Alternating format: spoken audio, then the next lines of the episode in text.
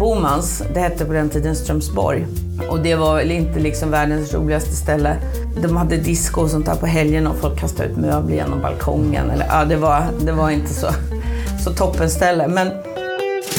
Du lyssnar på Samtal i Trosa med mig, Erik Karlberg. Idag träffar vi en person som varit avgörande för att göra Trosa till en hotelldestination av rang. Hon är igenkänd av de flesta, hanterar kriser genom att jobba med händerna och påbörjade sin karriär på Café Opera. I samtalet pratar vi om hur Bomans kom till, hur det går till när de helt unika rummen skapas och hur länge man måste bo i Trosa för att räknas som Trosabo. Hon delar efternamn med det hotell hon själv driver och älskar restaurangbranschen. Välkommen att lyssna på samtalet med Kristin Boman.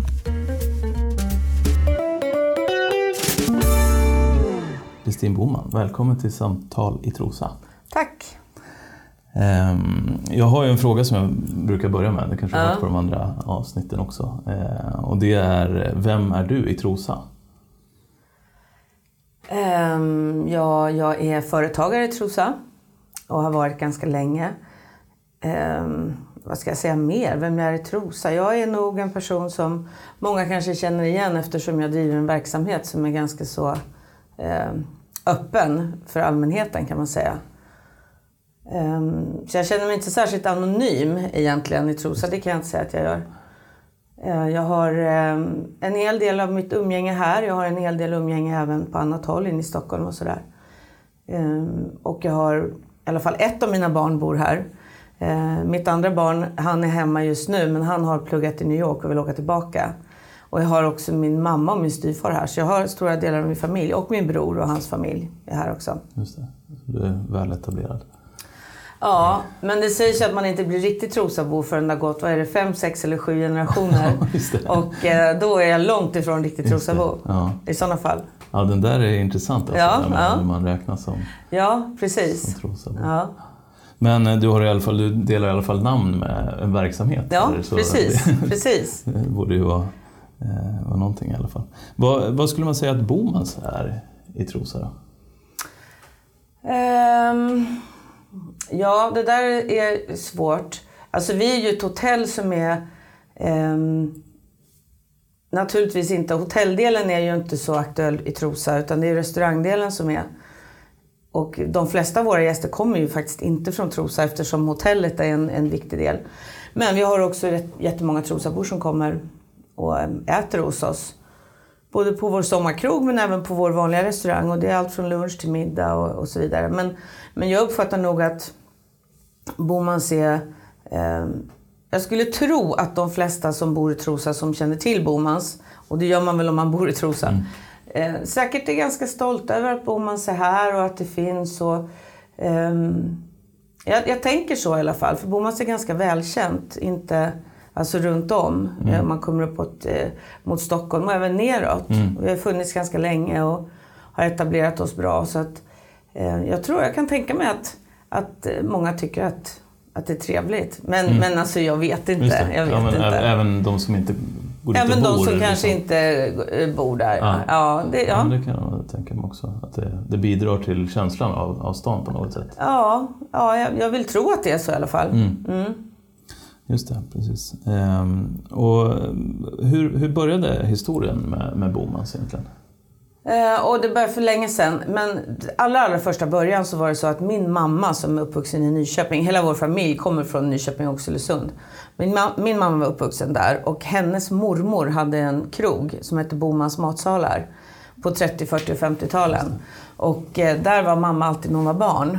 Och då såg hon sin mormor och hennes sju vackra flickor som min mormor kallade, eller hennes mormor kallade dem för. Eh, de drev den här, då, nej, utan de jobbade där. Aha, okay. mm. eh, jag har ju sett kort på de där sju vackra flickorna. Aha. Man kan ju diskutera hur, hur, vackra de var. Men, men i mammas värld, när hon var liten i alla fall, så var det så. Så okay. hon, har alltid, hon har alltid drömt om att ha någon verksamhet i, i restaurang och hotellvärlden. Min gammelmormor då, som hette Stina Boman, hon hade inget hotell utan det var en, en krog. Mm. Men sen i alla fall så hamnade mamma inom Saab och sen blev det Linjeflyg och sen SAS och så vidare. Och jag var väl den i familjen som, som liksom kom in i den här branschen. Och det gjorde jag på Café Opera okay. på sent 80-tal. Och jag brukar säga att det var på den tiden när Café Opera var Café Opera på riktigt. Aha, ja. okay. Ja, det där låter spännande. Ja, ja, det var då under Anders Gunnarsson som startade Café Opera. Så att jag hade, hade härliga år där. Okej, När det var mer, alltså, mer fokus på mat och sånt? Nej, Eller men var- det var ju, Café Opera var ju då något helt annat än vad det är idag. Mm. Det var ju det enda stället man kunde gå till i Stockholm. Det var ju Café Opera. Och Anders startade ju någonting som kändes helt nytt. Det fanns ju inget liknande i Sverige. Okej. Mm. Och han tittade på olika platser i världen vad, vad man ville skapa för någonting. Så det var ju eh, ett, en restaurang kombinerat med att det faktiskt var ett diskotek också. Och det var väldigt speciellt. Det var jättekul att ha varit med på den eran, eller i den eran tycker jag. Men sen flyttade jag till New York i alla fall och träffade en amerikan som jag gifte mig med. Och eh, sen så jobbade jag där, också i branschen.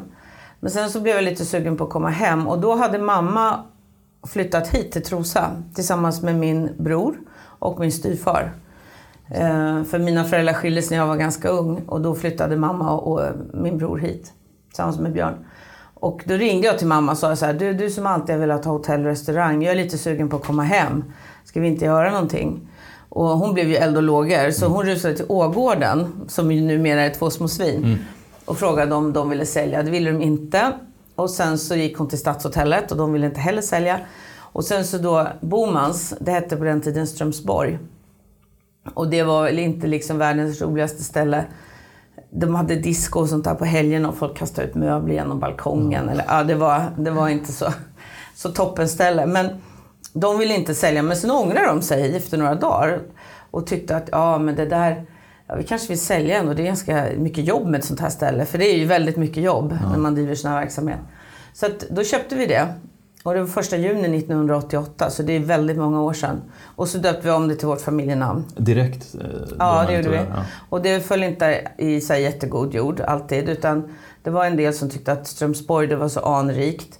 Och huset är byggt 69 så jag vet inte hur anrikt det var Ja, ja. egentligen. Det var ju bara 20 år gammalt då. Men, eh, och sen bestämde vi oss för att vi skulle göra ett konferenshotell av det. Och så då började vi jobba med det och sen så blev det mer och mer att vi tog emot privatgäster på helgerna och sådär och sen även lokalbefolkningen.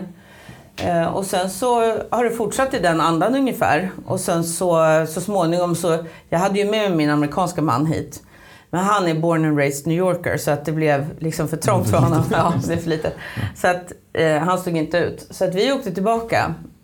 Eh, och det gjorde även jag. Och då var jag där ett år. Men sen så eh, skilde vi oss och då kom jag tillbaka Ja. hem. Och, då- och då puttrade det vidare här hemma? Ja, de jobbade med det, mamma och Björn. Ja. Och, eh, och då när jag kom hem så var jag lite stukad och då skulle min bror som ju håller på med byggnation, han skulle bygga Som ett lusthus. var i- som också var här, här ja. tidigare, Precis. Erik Hedenstedt, ja. Då skulle han bygga ett lusthus till mig. Där jag skulle ha butik. Och det lusthuset Okej. står fortfarande på vår tomt. Ja. Det var nog någon av de första grejerna han byggde tror jag. Eh, och där skulle jag ha butik och det gick väl sådär. Jag är inte så bra på att sälja saker sådär. Men då i alla fall så, så kom det en kille som jag kände lite, lite grann sedan tidigare. Han kom och besökte mig där och honom gifte jag mig med så småningom. Och fick då Amanda och Gustav som jag har. Och eh, sen så frågade jag om inte han ville komma och jobba med min familj. Och eh, jag tänkte det gick inte så bra med första mannen, det kanske går bättre med nästa man. Så det gjorde han. Och han var inte alls från branschen. Men han lärde sig älska branschen och älska att jobba med det här. Och han eh, utbildade sig till sommelier och blev en fantastiskt duktig sommelier. Och vi, eh, vi köpte ut mina föräldrar successivt. Så vi genomgick ett ganska långt, eller ett ganska långt, det var några år pågick vårt generationsskifte. Så vi köpte driften först och sen köpte vi fastigheterna. Jag tror 2005 hade vi köpt klart liksom allting. Okej, mm. Och eh, så byggde vi Södra Flygen, heter den. Det är en, den ganska nya då, stora byggnaden med 12 hotellrum. Den byggde vi 2007. Och sen hade vi tänkt att vi skulle ha hotell i Stockholm så småningom och så. Men sen dog då Benson, som han kallades för, eh, i februari 2008. Bara sådär. Vi visste inte om att han var sjuk. Utan det, gick, det var ett jättesnabbt förlopp. Det tog ett, dygn. Det var en väldigt, väldigt lång, lång, lång operation på 18 timmar. Och, ja, så det blev ju en stor chock såklart Ja, verkligen. för mig och för hela vår familj och hans familj och alla våra vänner och barnen. Barnen var ju inte gamla, de var 11 och 14 bara. Ehm, Så att det blev aldrig något hotell i Stockholm. Nej. Utan det blev, jag gick i träda lite grann faktiskt. Och då tyckte jag att det var, då var jag inte så mycket här. För att det är ju då kanske det som är jobbigt med när man bor i en liten, liten stad. Att att man blir väldigt naken när något sånt där händer. Jag kände mig extremt naken. Mm. Och, och det tyckte jag var jobbigt. Ja, det förstår jag. Så att jag, jag var mycket inne i Stockholm och alltså på dagarna när barnen var i skolan och sådär. Mm. Och höll mig lite på min kant för att jag kände mig för, för utlämnad. Mm. Ja, i en sån situation. Ja, jo, men jag gjorde verkligen det. Men det gick ju över så småningom. Det är ju många år sedan nu. Men, men under den här perioden så kände jag att Bomans tappade ganska mycket kraft och jag tappade kraft. Ehm, och sen så har jag, efter några år senare så kom jag igen och, och nu tycker jag att det här är så fantastiskt kul. Jag kan inte tänka mig något roligare. Och, eh, jag har hur mycket kraft som helst att ge till hotellet eh, och till, till verksamheten överhuvudtaget. Och jag tycker att jag verkar i en, en fantastisk eh, ort och en fantastisk miljö.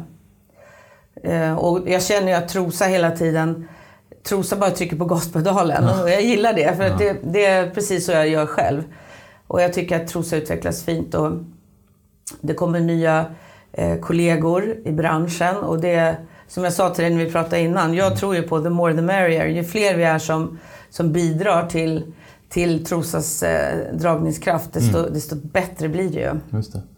det. När du beskriver det här eh, som fanns innan Bomans där då med Strömsborg? Strömsborg. Ja. Hur var Trosa som, som stad då? eh, Med det här ja, stället eh, och liksom restauranglivet? Jag bodde ju inte i Trosa innan. Jag kom ju direkt från New York till Just det, Trosa. ja. Det, var ju mamma som bodde här. Eh, nej, men då var vi, det var ju mycket sömn, Trosa är ju ingen sömnig ort idag. Då var det väldigt sömnigt. Vi var del i Nyköpings kommun. Så att det var ju, det, Trosa kunde ju själva... Här, nu kan ju kommunen bestämma mycket mer själva hur det ska vara. Men då ingick vi i Nyköpings kommun. Och det var en helt annan anda. Jag tycker att det är så nästan nybyggaranda i Trosa idag. Så att det är ju ändå, jag har ju sett det nu under ja, dryga 30 år, hur det utvecklas. Jag tycker att det är jättehärligt. Var det, hur, hur såg turismen ut på den tiden? Eh, Det var ju Trosa. turister men inte alls på den här nivån som är idag. Eh, inte alls. Men visst var det turister, men sommaren har ju alltid varit för oss en, en viktig eh, säsong. Såklart.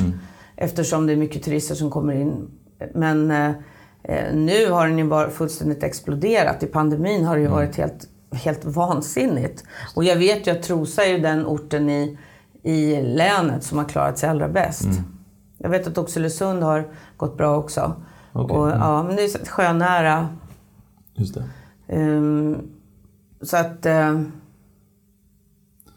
Men eh, vad tänker jag, de här, eh, eh, på den tiden då, var det en året runt-verksamhet då också? Eller? Ja, vi stängde i januari en del. Och det skulle jag önska att vi kunde göra ibland fortfarande faktiskt. För att det är, ju, det är ju inte någon kul säsong. Det är jättelite att göra och det är tungrot och det bara blöder pengar och så vidare. Men, men det gjorde vi då lite grann på den tiden. Det var ju så mycket mindre verksamhet. När vi köpte det så omsatte det 6 miljoner. Och nu i år så kommer vi kanske på 35 miljoner. Så att det är ju det är väldigt stor skillnad. Men eh, ehm, det var ju året runt därför att vi jobbade med konferenser. Men från, från början fanns det ju inte egentligen den här weekendverksamheten. Vi tittade på två hotell i Sverige som vi tyckte var jättebra. Och det var ju Grythyttans gästgivargård med Carl Jan Granqvist. Och så var det Aspa herrgård som drevs av eh, familjen Öholm. Eh, och de var ju två jätteduktiga eh, hotellfamiljer, eller inte hotellfamiljer ska man inte säga för Carl Jan drev ju själv. Men, men de hotellen tyckte vi var intressanta att titta på för det var individuella hotell där inte allting var mainstream utan man, man jobbade på ett annat sätt. Så det här var idén redan från, eh, från Ja, från ja, början? ja liksom? absolut. Det var det verkligen. Och, och eh, det gör jag mer än någonsin nu. Jag tycker att jag vill liksom verkligen ta ut svängarna och leka och, och på ett allvarligt sätt. Jag sa just det när jag träffade banken här förut att det här är mitt det här är ju min synnerligen affärsmässigt drivna lekstuga. För det finns ju en, en ekonomisk verklighet hela Ja, tiden. Men jag tänker så här att om, om jag sätter mycket kärlek i de här väggarna så kommer säkert mina gäster känna det också. Och, och det är inte bara min kärlek som går in i väggarna utan det är även hela personalens. Jag har ju en fantastisk personal och, och som hänger med i alla mina svängar för att det går inte i raka spår hela tiden. Eh, Men de hänger med i det och, och och liksom älskar det här också, eller tycker väldigt mycket om det i alla fall. Vilka är ni som, som liksom, ja, håller ihop det här? Alltså. Som driver det menar ja. du? Jag har ju en, en kvinnlig platschef som heter Maria Krona. Hon är hon är nog Trosabo på riktigt tror jag. Sen sju generationer bort? Ja, jag vet inte. Men hon kommer från Vagnhärad, men det är ju samma sak Nej, som Trosa. Ja. Eh, hon har bott här i många, många, många år. Hennes familj i generationer. Så man får nog räkna henne som mer Trosabo än vad jag själv är. Hon har varit hos oss till och från i olika tider sådär, och, och kommit och gått. Och nu hoppas jag att hon är för att stanna. Och sen så har vi ju eh, förstås, vi har vår ekonom Anna. Som, hon är väldigt ny Trosabo. Hon är nyflyttad. Eh, och hon skriver böcker också. Och har skrivit en trilogi om Trosa, spänningsromaner. Mm. Och, eh, och sen så Patrik, vår restaurangchef, han är också, bor i Trosa. Mm. Jag tror inte att han har så många generationer bakom sig precis, men han bor här. Eh, ja, och så vår kökschef, han är från Nyköping. Så att de flesta är ju från här omkring. Så vi har ju en liten, en liten ledningsgrupp, vår receptionschef och ja, våra olika avdelningschefer mm. som, eh, som, som driver hotellet kan man säga. Just tillsammans med mig. Ja, precis. Men annars är det, är det din, eh, din, eh, dina idéer som, som formar rummen och sånt här? Ja, ja, ja, ja det är det. Jag, inre, jag gör allting själv, alla sådana saker. Och jag tycker om att jobba med händerna. Och jag vet när Benson dog så jag, kunde, jag kan inte tänka. När man drabbas av sån här svår chock så, så är det svårt att tänka. Så att då gjorde jag väldigt mycket handfast. Och sen så nu under pandemin har jag gjort det också. När pandemin först kom så blev jag helt paralyserad. Och jag blir det ett litet tag, men det går ganska fort över. Sen blir jag förbannad och då, det, då får jag kraft att göra saker. Så att jag har jobbat med händerna nu i ett och ett halvt år. Och um, allt från att måla, sy, jag kan inte sy. Jag har en väninna som syr. Som, um, jag har anställt en av mina nära väninnor. Så hon jobbar halvtid och hon gör alla de här sakerna med mig och det är jättekul för att då får jag någon att, att bolla det här med. Mm. Och det är också värdefullt för mig. Och överhuvudtaget så tror jag på att ha människor man bollar med. Jag har min, jag kallar honom för min mentor. Jag vet inte om han är det riktigt för vi är nästan jämngamla. Men han heter Fredrik Eriksson och han är i krogbranschen själv. Han driver Långbro värdshus och han driver restaurangen på Nationalmuseum. Okay. Och han har varit involverad i Årets kock och allt sånt där för många år sedan. Och han är en jättebra person för mig. Eh, för att jag, jag kan sätta mig och så dryftar jag saker och så säger han, varför tänker du inte så här? Tänk så här. Och då är jag jättesnabb. Om jag tycker det är en bra idé så jag, då verkställer jag saker jätte, jättefort. Mm. För att jag, jag är jätteotålig. Jag tycker inte om att vänta utan jag vill snabbt, snabbt, ja. snabbt. Se resultat av det. Ja, för jag tycker det är så kul också. Och hur kan man utveckla? Och och i, nu i pandemin har vi diskuterat jättemycket. Hur ska vi kunna göra så att, att alltså vi tappade ju allting. På en vecka försvann ju allting vi mm. hade i våra böcker eller vad man ska mm. säga. Och det var ju förskräckligt alltså. Mm. Det var hemskt. Och vår receptionschef Gabriella som, som sitter och tar emot många bokningar. Hon till slut gick åt sidan och grät och sa jag orkar inte ta mer avbokningar nu. Mm. För det blir ju psykiskt så pressande ja. att göra det. Eh, men ganska snabbt så, så tänkte jag så att nej, men man kan inte bromsa när det går uppför, uppför då måste man ju gasa. Mm. Annars kommer man ju aldrig upp. Mm. Så att det har liksom varit vårt mantra lite så här under den här perioden. Vad, vad gjorde ni då? då för, liksom? Nej men vi, dels så ströp vi, vi stängde vissa dagar. Eh, sen har vi ju såklart haft, tagit del av de här, de här olika alltså permitteringsmöjligheterna mm. och så vidare. Eh, I den mån det har varit nödvändigt har vi gjort det. Nu under 2021 har vi, hade vi bara precis i början på året där. Sen har det rullat på så bra så vi har inte behövt. Men, men eh, dels gjorde vi det och sen tog vi sådana beslut som att nej vi gör inte julbord därför att det bokade inte lika bra som det brukar. Och jag har i ärlighetens namn i många år tänkt att jag skulle vilja sluta med julbord. Um, för att jag tycker att det de här, det här överdådiga, de här bufféerna när människor tar och, och människor äter ju, man äter ju med ögonen också. Mm. Och man tar så mycket mat och sen orkar man inte äta allting. Mm. Det känns liksom daterat mm. för mig att hålla på och det känns, dessutom känns det inte miljövänligt. Nej, det. Och det finns människor som inte har mat för dagen och så sitter vi här med våra stora fat med allt möjligt på. Så jag tog bort det förra året. Och, ehm, och det föll jätteväl ut. Mm. Det finns ju de som faktiskt inte vill ha julbord mm. också. Så att vi kommer inte ta tillbaka det. Okay. Eh, sen har vi ändrat vår frukost så att där har vi också tagit bort buffén. Eh, för där äter människor också för mycket med ögonen och sen orkar de inte äta upp allting. Så att man får sätta sig och beställa vid bordet och sådär. Vilket alla gäster, 98 procent, har varit jättenöjda med. Mm. Och det kostar mer personal men det är inte lika mycket matsvinn. Och, och, det tycker jag också är, ett viktigt, det är viktigt att tänka på det, vi som hanterar mat och jobbar med mat hela tiden, att försöka minimera det här maten man bara slänger. Det. Finns det också en, en, del av att man, kan, att man får erbjuda en, en upplevelse eh, på ett annat sätt om det är meny det är klart att det blir, ju, det blir ju en annan känsla att få, om du kommer till frukost och någon tar emot dig i dörren och säger här varsågod, här ska ni sitta. Mm. Och sen får du beställa vad du, ja det finns ju ett litet papper då mm. man får beställa. Det är klart att jag personligen tycker att det är mycket trevligare. Mm. Jag är själv, när jag har bott på hotell nu, ätit på det viset. Och det är klart det är mycket trevligare än att det liksom springer runt massa människor i restaurangen, alltså gäster då, mm. i restaurangen och ska hämta en det ena än det andra. Så det liksom en lugnare, skönare stämning. Och det blir ju mycket skönare för gästerna. Tycker jag. Det här är ju naturligtvis vad jag tycker. Sen finns det de som tycker att nej, det har vi också råkat ut för. Nej, vi vill ha de här stora bufféerna och, mm. och, allt det där. Men ja, man får ju välja vad man tycker själv är ja, utifrån liksom sitt eget perspektiv. Ja. Men det här funkar jättebra, vi kommer inte ändra det. Nej. Hur är, med, med julbord, har ni något annat liksom, julerbjudande då istället för? Nej, men vi har någonting, vi har såna olika paket, hotellpaket. Och då har vi något som heter Decemberlyx och det låter så himla fånigt. Jag vet att det gör det, men vi har inte kommit på något bättre namn. Men det är i alla fall, då bor man över och sen är det en fyrarättersmiddag som är lite så extra trevlig. Och den kan man ju även boka om man inte bor ja, på hotellet såklart.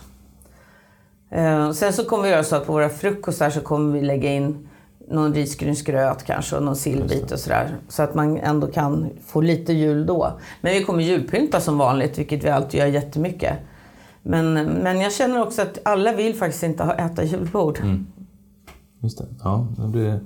vad, vad, tror du att det är några fler grejer som lever kvar efter pandemin? Eh, tänker på, på det här. Ni har ju tänkt om lite grann, blivit inspirerade kanske av att, eh, att ha som bordservering? Finns det något annat ja. som kommer att vara kvar?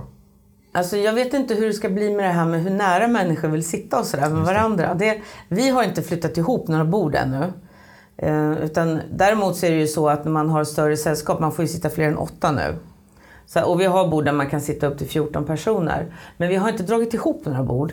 Och, och jag, vet, jag, vet, jag vet inte ännu. Det är svårt mm. att säga tycker jag hur, hur, eh, hur det kommer bli framledes.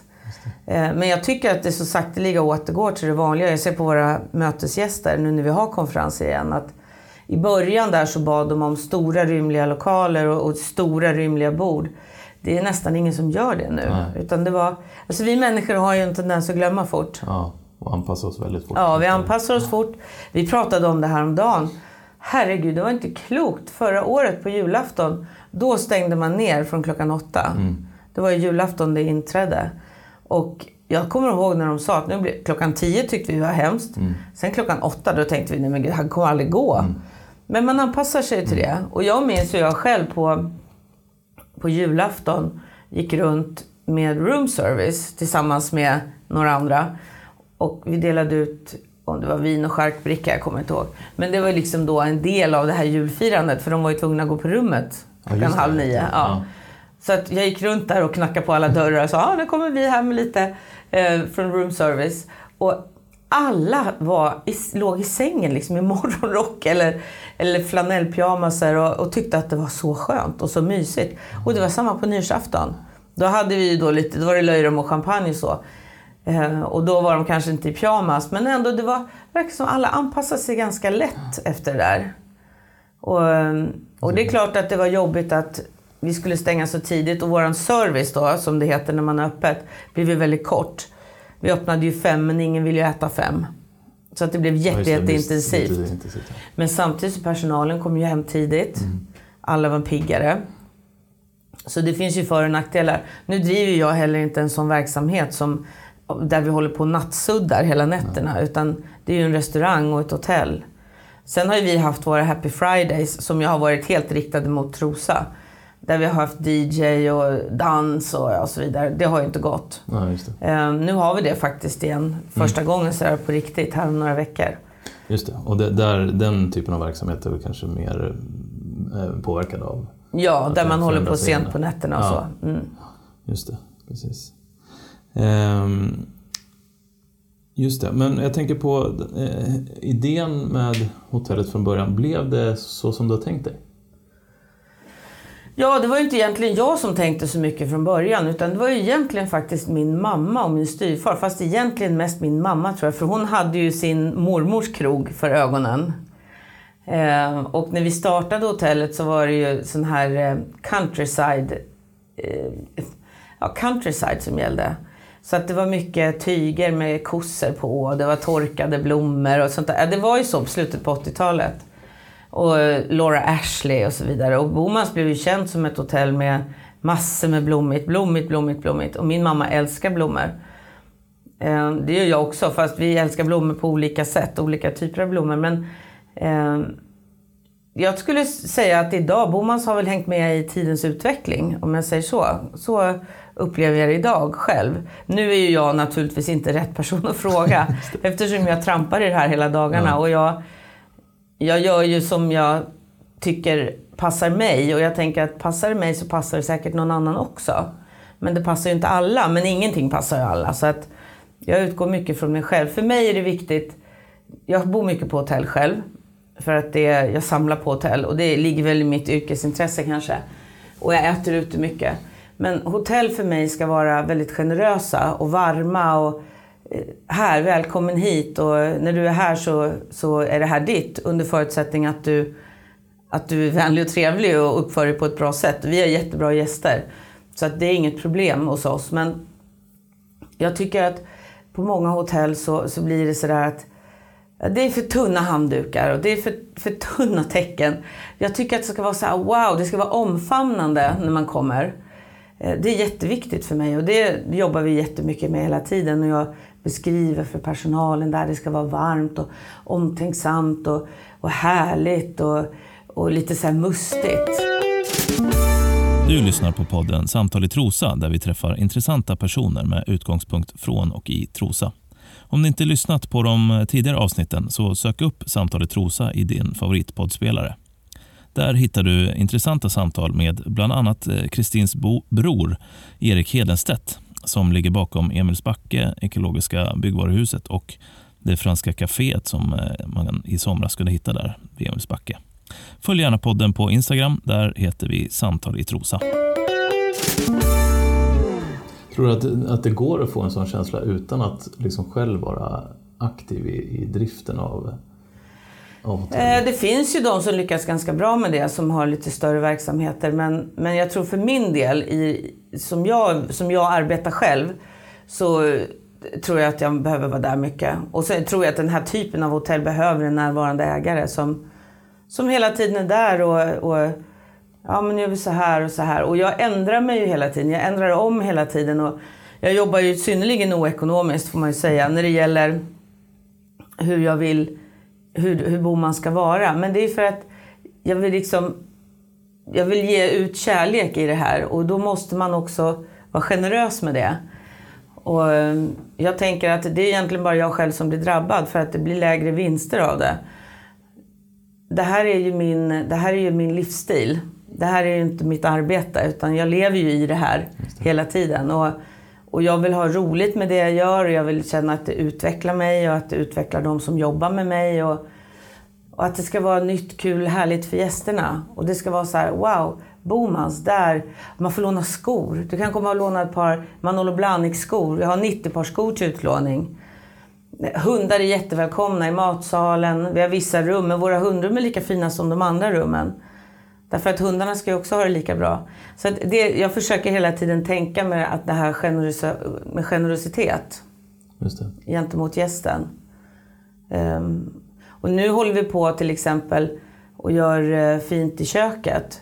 Inte in i köket, köket, för där måste det vara liksom rent och kliniskt och så vidare. Men i de andra delarna som är bakom, runt köket, där gör vi lika fint som övriga Bomans. Så att man ska känna när man, som för personalen att ja, men det här, det här det är lika mm. fint här. Bomans börjar här. Det börjar inte när man kliver ut i restaurangen eller i lobbyn utan det börjar redan när man har bytt om. Just det. Det är palmtapeter där och nu håller de på att sätta en jättesnygg tapet i en kökstrappa. Och där det blir så här skinnlindad handledare. Och, och det är för att jag vill, lite sådär som Disney, on stage, off stage. Men att man ska känna det här att nu, nu är vi på Bomans redan. Ja. Pers personalen liksom ska få Ja, in det rätt. ja. Och det har inte jag kommit på själv. Utan det var återigen Fredrik som sa till mig, han sa, du gör så fantastiska miljöer. Jag tycker du ska ta dig in det där i köket också. Ja, det har du rätt i, sa jag. Och så började jag direkt planera för det. Hur, hur gör du annars? Jag tänker på de här eh, rummen, de är ju unika alla rum. Mm. Hur, hur går det till? När du, hur, finns, finns det någon liksom process till hur Ja, ja, den pågår hela tiden. Ja. Jag ska faktiskt göra ett nytt rum nu snart. Men, men det kan vara så här att jag ser en, jag hör en låt. Så ser jag någonting framför mig. Eller jag ser tyg i någon tidning. Eller jag eh, känner att den där personen skulle vilja göra någonting runt. Eller ja, det kan vara vad som helst. Som, som får mig att tänder börja. Ja, och sen börjar jag tänka. Sen håller jag på fram och tillbaka. Det är ingen rak linje här. Utan Först tänker jag så här, sen tänker jag om och sen blir det så här, sen blir det så här. Och det är ju de som jobbar med mig är vana vid att det är så. Mm. Innan jag liksom kommer fram, det är som ett födsloarbete så här, fast inte lika smärtsamt. Men att innan jag kommer fram till vägs ände, där jag vill vara. Hur gör du då? Eh, Jobbar går du in i rummet och, och liksom tar bort allting och så här, nu ska vi börja? Eller sitter du med Nej, men papper jag och ser i huvudet innan. Ja. Ehm, jag tänker, jag ser någonting framför mig. Och sen så jobbar jag med jättebra människor. Jag har jätteduktiga snickare och, och människor omkring mig som, som jag kan spåna med. Och som kan säga, nej men det där funkar faktiskt inte. Eh, Men gör så här istället. Ja, så det är jätteviktigt att ha bra människor som man jobbar med. Och eh, nej men jag ser, jag ska göra ett rum nu och då ser jag ser hur det ska bli. Men jag har svårt tror jag kanske att förklara för eh, någon annan exakt vad jag ser. Men jag ser själv. Så här, jag ser den Vad- färdiga vad det du ser? produkten. Nu ser jag, den här gången har jag fått inspiration av eh, eh, från Snövit, inte Snövit, utan från hennes eh, eh, styvmor är det väl va? Häxan. Eh, spegel, spegel på väggen där, säg mig vem som vackrast i landet där. Eh, hon är min, så här som jag ser framför mig nu, så att det blir mycket svart och men så blir det rött. Det blir ett stort, stort, stort, stort rött hjärta i läder som jag beställde från Oliver Schiffs. Hans farmor och farfar, mormor och morfar menar jag, bor ju här i Trosa. Och han har haft utställning här precis och han har ställt ut åt, hos oss några gånger. Jag tycker han är jätteduktig. Så jag beställde av honom häromdagen och det blir som äpplet på något vis. Och sen blir det väl någon, någon stuckatur där, där det blir någon spegel och så blir det någonting i taket. Jag gillar takmålningar för jag tycker tak är så tråkiga. Så där blir det någonting och så. Alltså nu håller jag på att jobba med det där. Och så, så var ska vi göra badrummet och hur ska det bli? Så tänker jag och processar det där. Och eh, vad ska jag ha för gardintyger? Och, ja, sen helt plötsligt så blir det, märkligt nog så blir det oftast så som jag har tänkt mig. När jag, när jag ser det färdiga i huvudet. Min mamma sa till mig häromdagen, för jag höll på med en, en del av vår matsal. Och jag såg precis hur det skulle kunna bli. Och hon, eh, hon sa, ja jag vet inte, jag tycker nog kanske inte att det blir så bra. Och sen när det var klart så, det blev ju jättebra. Ja men jag visste att det skulle bli så här, så jag, för det var det jag såg. Men jag kanske inte kan förmedla det riktigt. Ja, det. Men du, successivt så byggs det åt det hållet då? När du- Ja, och sen får jag en idé. Nu var det vår restaurangchef som sa till mig, jag tycker vi ska göra höga, höga bord här ute. Ja, men det har du rätt i, så jag. Ja, men det kan ju bli hur bra som helst. Så jag liksom får idéer från mina medarbetare eller från andra människor. Och så, så snappar jag upp idén, det jag gillar, och sen så utgår jag från det. Just det. Hur vet du när du är färdig med ett rum då? Ja, när jag liksom kan stänga dörren och känna att när jag har fått in de sista vinglasen och fyllt minibaren och, och fått in alla de här sakerna. Eh, då vet jag att jag är färdig. Ja. Men det kan ju hända att eh, jag ser någonting framför mig och sen så när det väl är klart så känner jag att mm, det saknas något. Och då får jag hitta på någonting. Just det. Och det, jag jobbar bäst under tidspress. Så helst ska det vara så att gästerna står nästan och knackar på dörren. Mm, och det har hänt många gånger. Ja. Att det har varit så. Ja, så ni lägger ut rummen innan de är helt färdiga då? Mm. Ja. Precis. ja, spännande. Ja. Vad, eh, Hinner du med att bo i dina egna rum? Nej men det var ett tag sedan jag bodde på Bomans faktiskt. Jag tänkte på det här om dagen att nu måste jag nog nästan bo här. För det är jättebra att göra det. Och det uppmuntrar vi vår personal att göra också. Men alla bor ju i Trosa och de har familjer, du vet. Så det blir inte så ofta. Men eh, när jag bor så har jag alltid ett block och penna. För att det är då först man ser mm. vad gästerna ser. Jag ser ju någonting, men gästerna ser något annat. Att det är strul med det eller det där funkar inte och så vidare. Um, och så att vi vill verkligen att, att personalen ska bo också. Dels är det härligt att bo på hotell och sen ja, men att, att liksom få upp, känna det här. Ja, vad är det som behövs? Vad är det, vad är det sista touchen? Mm. Just det. Ja, men det är ju viktigt oavsett nästan vad man jobbar med. Ja, jo, men det är ju det. Vad, hur, hur ser en dag ut i ditt eh, arbetsliv? Man säger? Ja, den ser lite olika ja, det, Den är ju som den är. Men jag går upp ganska... Jag vaknar tidigt. Jag vaknar jättetidigt. Alldeles för tidigt. Så går jag upp och sen så håller jag på. Är ja, men det kan vara allt från fem och det tycker jag är för tidigt. Men... Eh, det håller nog de flesta med om. ja, det är för tidigt. I natt vaknar jag tre. Oj, ja. Men nu har jag en massa att tänka på också. Eftersom jag håller på med lite olika projekt. Så då, då blir det som sätter det igång i huvudet. Men jag somnade om. Men säg att jag går upp vid sju, halv åtta då. Och sen så ja, men duschar jag med ordning och eh, kommer, går iväg till jobbet kanske. Det är lite olika. Men ibland är jag där jättetidigt. För då får man vara helt i fred. Ibland kanske halv nio, ibland tidigare. Eh, sen så eh, när jag kollar min mail. Först har jag pratat i köket. Det är det här som är så fantastiskt med sån här verksamhet. Att jag har så mycket härliga människor omkring mig hela tiden. Så jag kan stå där och liksom slänga käft med kockarna lite i köket och snacka med receptionisterna och höra med städen hur går det för er och, och sådär. Och sen så kolla min mail. Sen kanske jag har något projekt jag håller på att jobba med. Något sånt här handfast. Um, och sen så, så dagen går. Alltså den går alltid. Mm. Och eh, ibland håller jag på till sena, sena natten. Det är skönt att jobba på kvällarna för då då är det ingen som vill någonting här. Så det är inga säljare, ingenting. Nej. Så det är skönt. Och nu när jag och min väninna har hållit på så under pandemin så har vi hållit på många sena nätter. Har suttit två, tre på natten. Mm. Och, och målat och fixat och, och, sådär. Den typen av grejer då? ja, då är det den typen liksom. av grejer. Ja. Och det finns inget bättre. Jag, jag hade en sån här härlig upplevelse för några helger sedan, en lördagkväll. Fullsmäckat på hotellet, fullt i matsalen. Och vi stod i vårt glasförråd som är bakom disken och målade, jag och Anna, och skulle göra fint där. Och sen så var det de här ljuden, där man hörde kockarna, det slamrade i maskiner och så vidare. Och så sa jag till Anna, hör du ljuden? Och hon sa, vadå vilka ljud? Hon är ju inte i branschen från början. Och så hör du inte ljudet? Nej, vad menar du? Ja men hör du inte? Servisen kommer och går, samspelet med kockarna, diskmaskinen går. Och sen det här, den här rörelsen. Och det hörde hon ju såklart. Men mm. för mig är det ju som, det är det bästa. Det är det absolut bästa. De här liksom, ljuden bakom i en restaurang. Det är som något instrument som spelar på något sätt. Ja, och, det, då vet, och så vet jag att där ute sitter det hundra gäster som har det förhoppningsvis jättebra. Eh, och är nöjda och glada och de blir serverade god mat och goda viner. Och, och, och det är liksom en sån det är en puls och det där tycker jag är... Jag skulle kunna sätta mig, gömma mig någonstans och bara sitta och, och lyssna på det där, det där ljudet. För det är fantastiskt. Och, och delta i det utan att... Då, I det här fallet så var jag ju inte ute i restaurangen någonting för jag var i målarkläder. Utan jag var bara bakom. Men det är, det är, det är ett fantastiskt ljud. Mm. När man är i branschen, eller för mig i alla fall, så är det, det, är, det är som att komma hem. Just det. Ja, jag tror du börjar hitta mm. vad som är tjusningen kanske med, ja, ja. med, den, här, med den branschen. Vad, är du ute i service någonting annars?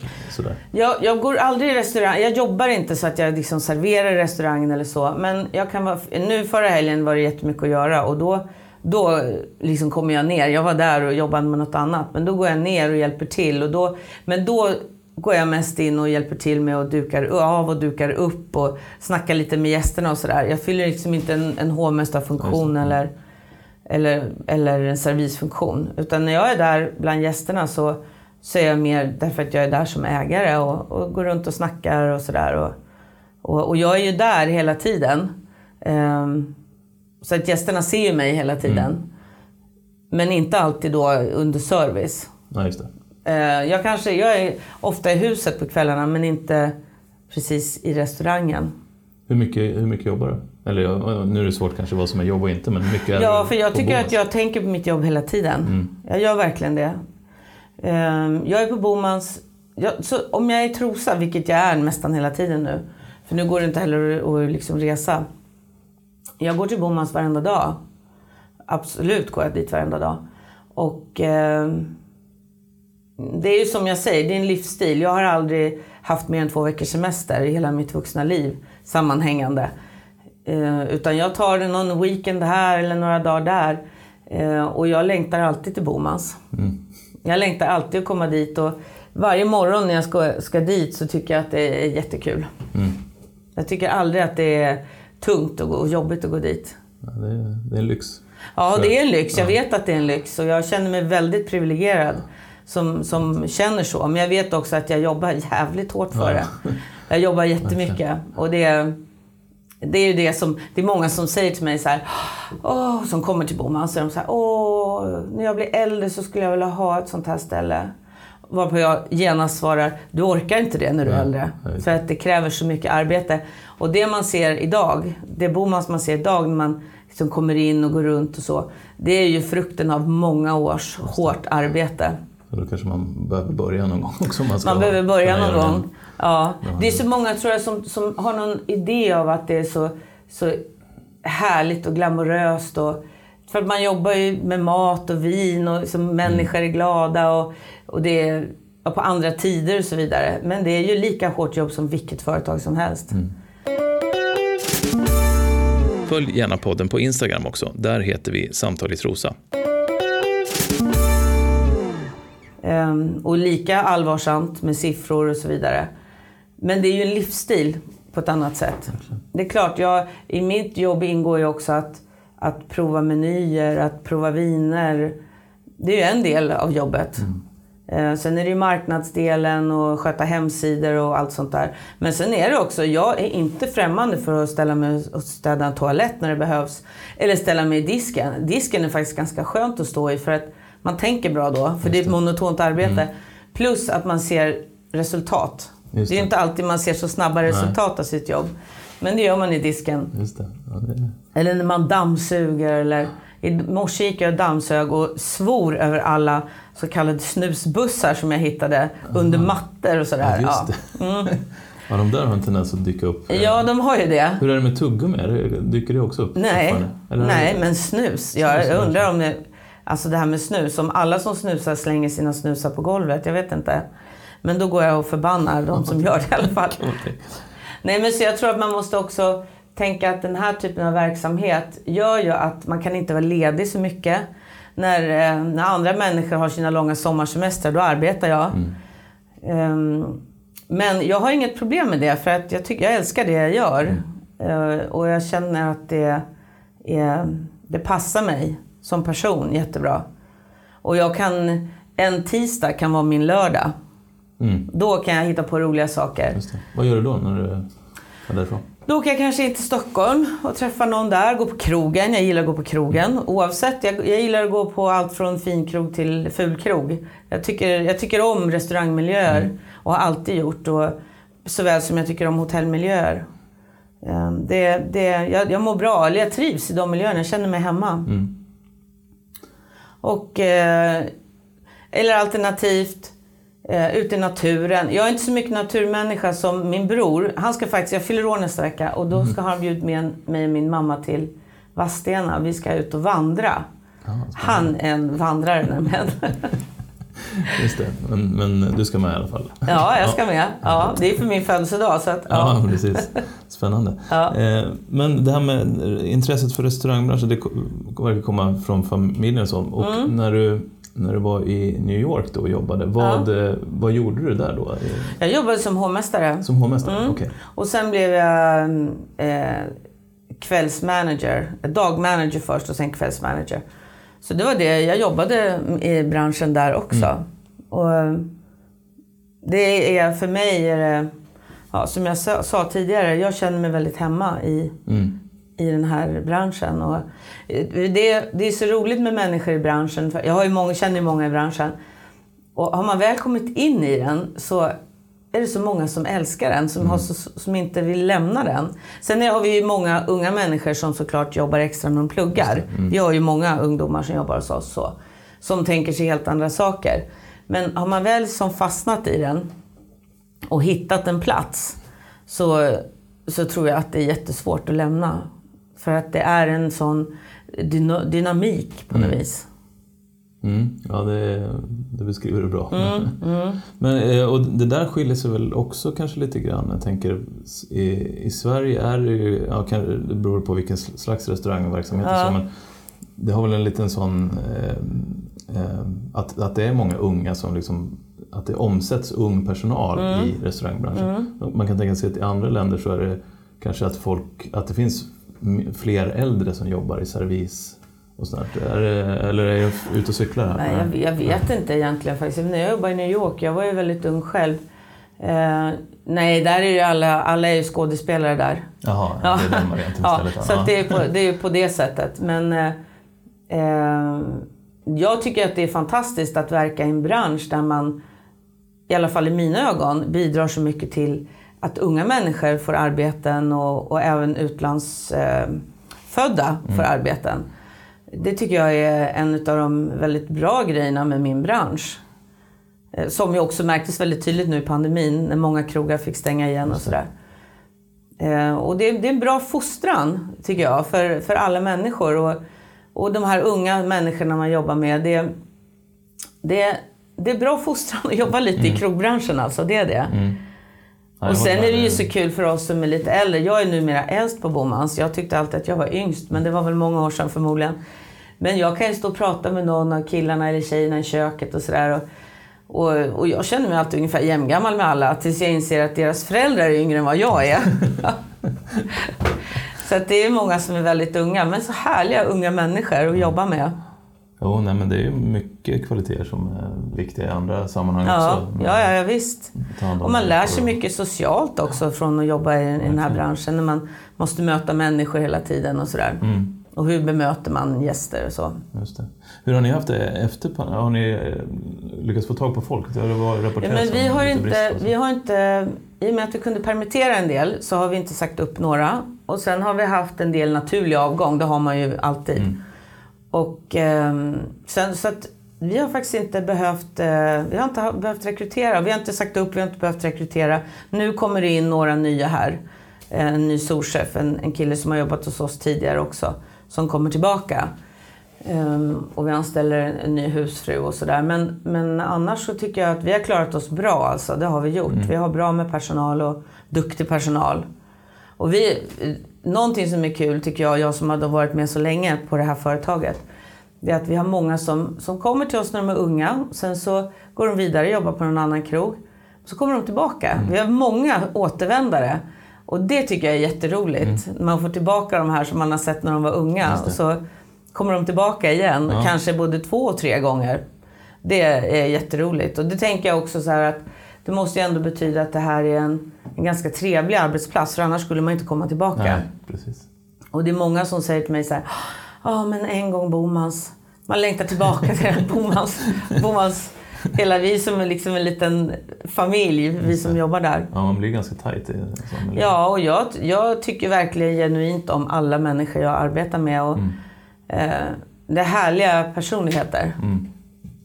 Och ja. det är kul att känna så, så tror jag inte alla känner. Nej, det är inte alla som känner så på sina arbetsplatser. Nej. Ja, men det, det är någonting Sen vad de säger om mig, det vet inte jag. Men, eh, men jag tycker i alla fall att det är roligt att, att arbeta med, med så många olika åldrar och, och sådär. Mm. Ja, jag förstår.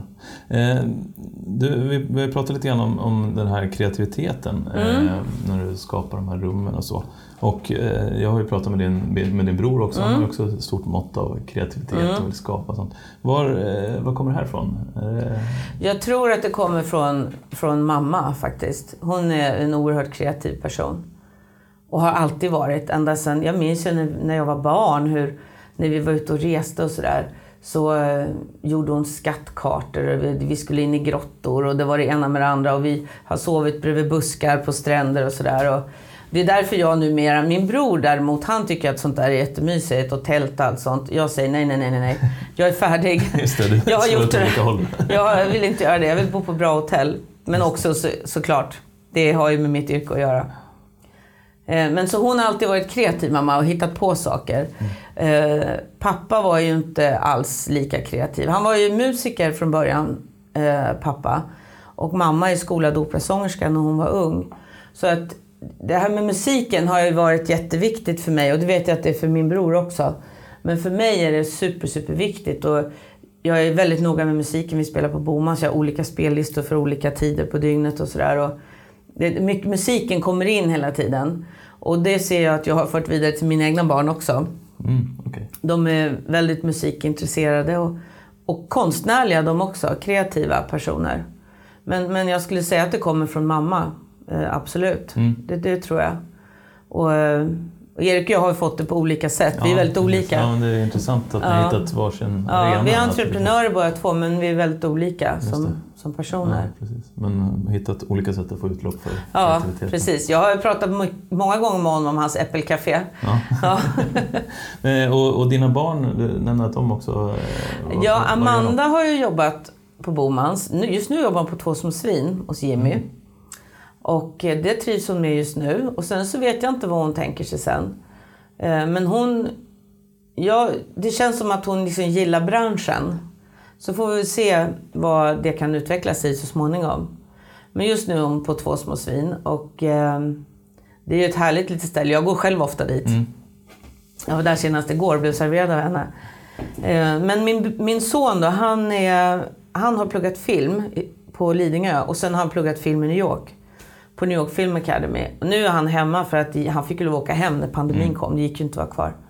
Men nu håller han på och ska gå då andra året och det börjar i januari. Under förutsättning att de får tillräckligt med elever eftersom pandemin fortfarande... Det. Ja, det är svårt att veta än så länge. Men han håller på att söka studentvisa och sådär igen vilket också är knöligt just nu eftersom Amerika är stängt och sådär.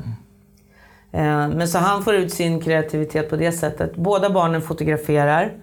Så att jag har ganska många bilder på Boman som båda de har tagit. Snygga eh, bilder. Jag själv samlar på fotokonst hemma och vi har rätt mycket på Bomans också. Så de är uppvuxna med det.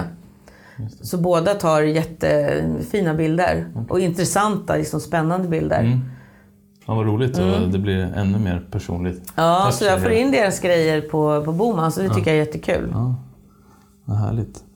Ehm, ja, vad, vad tänkte jag på? Ehm, vad är det som inspirerar dig att, att fortsätta med eh, det du gör med Bomans? Ehm, ja, dels är det alla människor. Både de jag arbetar med och även gästerna naturligtvis. Och sen att jag tycker det är så kul att få, få skapa. Och jag, jag brukar säga så här att jag är inte så himla bra på att driva hotell och restaurang egentligen. Däremot har jag många som jobbar hos mig som är jätteduktiga på det. Jag är duktig på att skapa känslor hos människor. Alltså jag kan skapa miljöer där människor kan bli kreativa. Där de kan bli glada, de kan bli förälskade. Eh, och det är så vanvettigt roligt. Ehm, och när jag, när jag är på Boman så är det ju många gäster som känner igen mig och vet vem jag är. Därför att det finns ju bilder och sådär.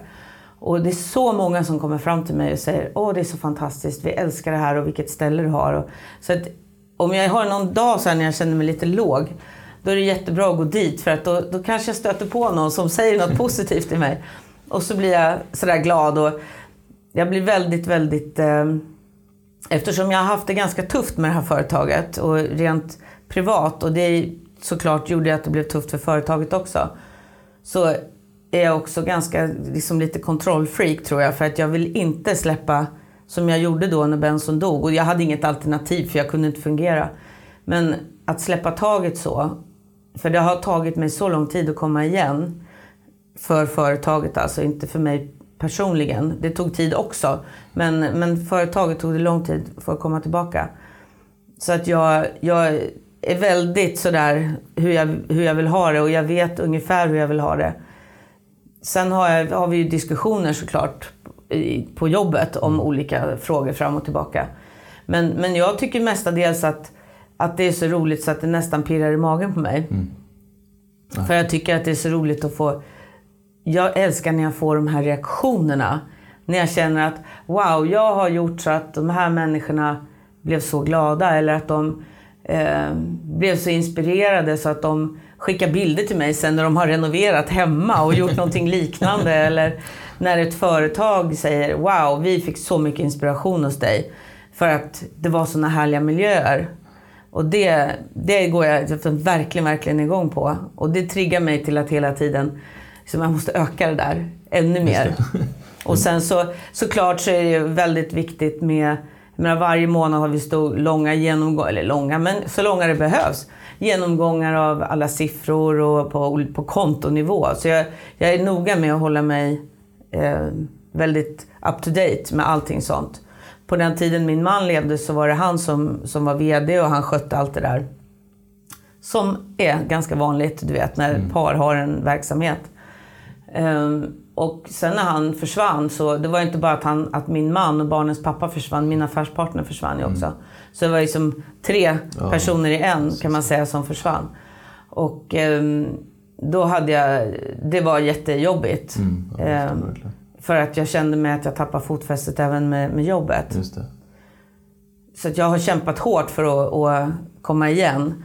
Och, och så, så tänkte jag nu när pandemin kom så satt jag, då när jag fick så här, blev paralyserad först. Och sen blev jag ju förbannad och då fick jag kraft och så tänkte jag, nej, något förbannat kinesiskt virus ska inte ta bort det jag har byggt upp.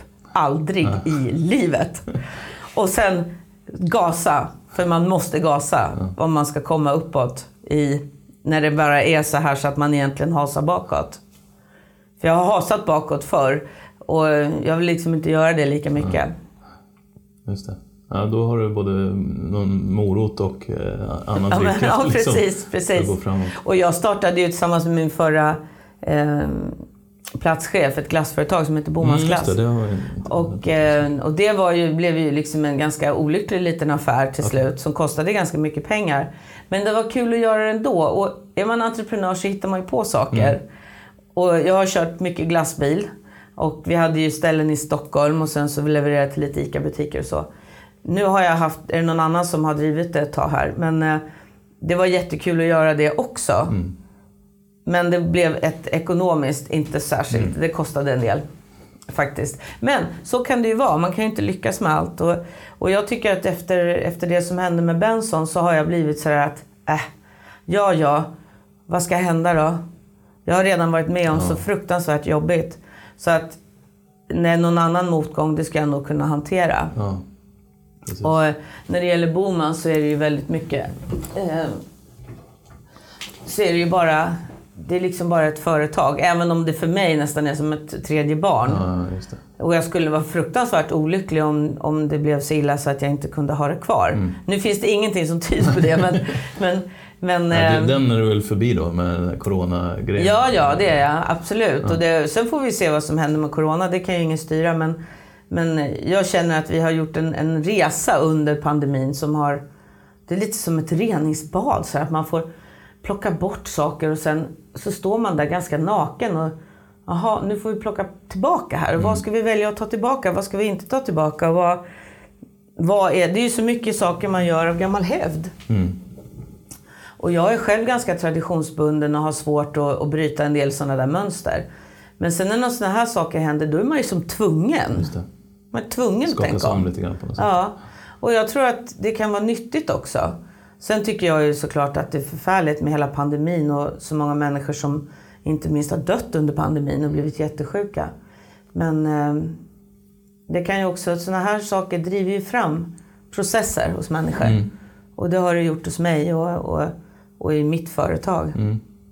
Vad, eh, vad, vad, vad, kommer vi få se framöver med, med Bomans? Oh, det, jag vet inte.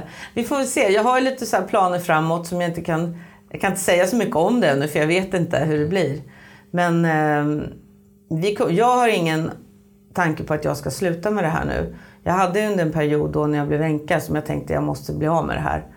Mm. Eh, så tänker jag absolut inte nu. Utan jag tänker att jag vill utveckla och förbättra och bli ännu bättre och, och ännu mera eh, udda kanske i en hotellvärld där många hotell är ganska tråkiga. Det finns jättemånga fina ställen och jag har väldigt många duktiga, bra kollegor eh, över hela Sverige.